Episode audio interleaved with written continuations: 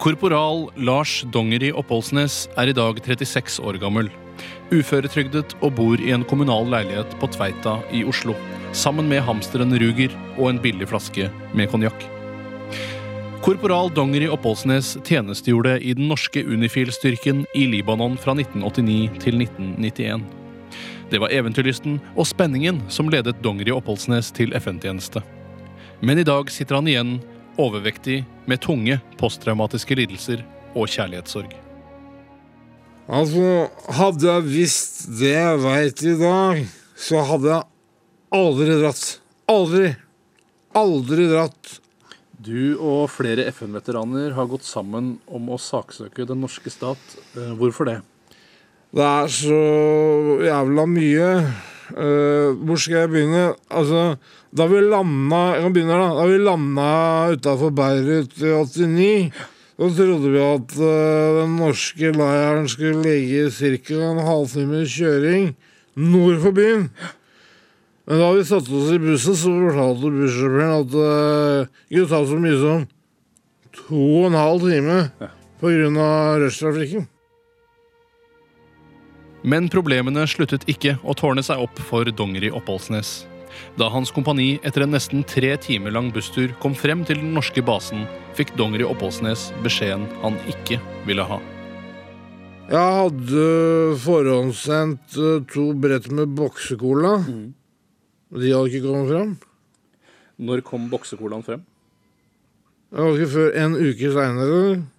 Men da var den blitt eh, varm. Korporal Oppholdsnes sin hovedoppgave var å følge palestinske ungjenter til og fra skolen. Men oppdraget var ikke så rosenrødt som det kanskje høres ut. Min jobb var å gå foran jentene, stoppe trafikken og sørge for at de kom seg trygt fram til skolen.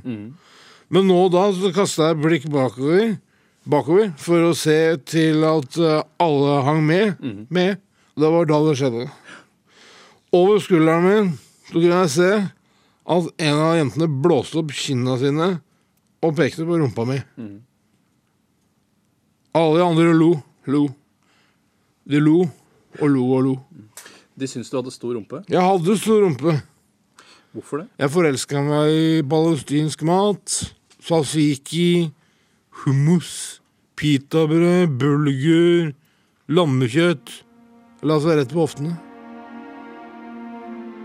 Korporal Dongeri Oppholdsnes ble tjukkere og tjukkere og mer og mer nedbrutt. En dag etter at tjenesten var over og Oppholdsnes ville legge seg ned på kaserna med Larssons gale verden og en boks cola, oppdaget han til sin forferdelse at noen hadde vært på rommet hans. Blondetrusa til Kari, kjæresten min, som jeg vanligvis hadde hengende på korktavla over senga, var borte.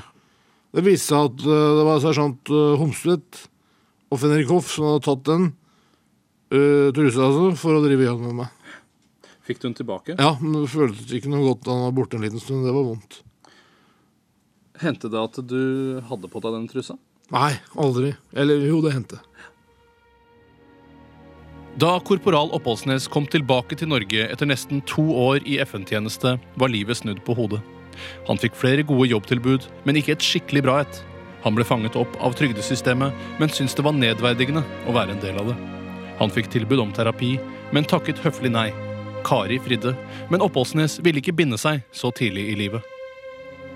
Riksadvokaten behandler nå søksmålet mot den norske stat, men det kan ta nærmere tre uker før de norske FN-veteranene får svar.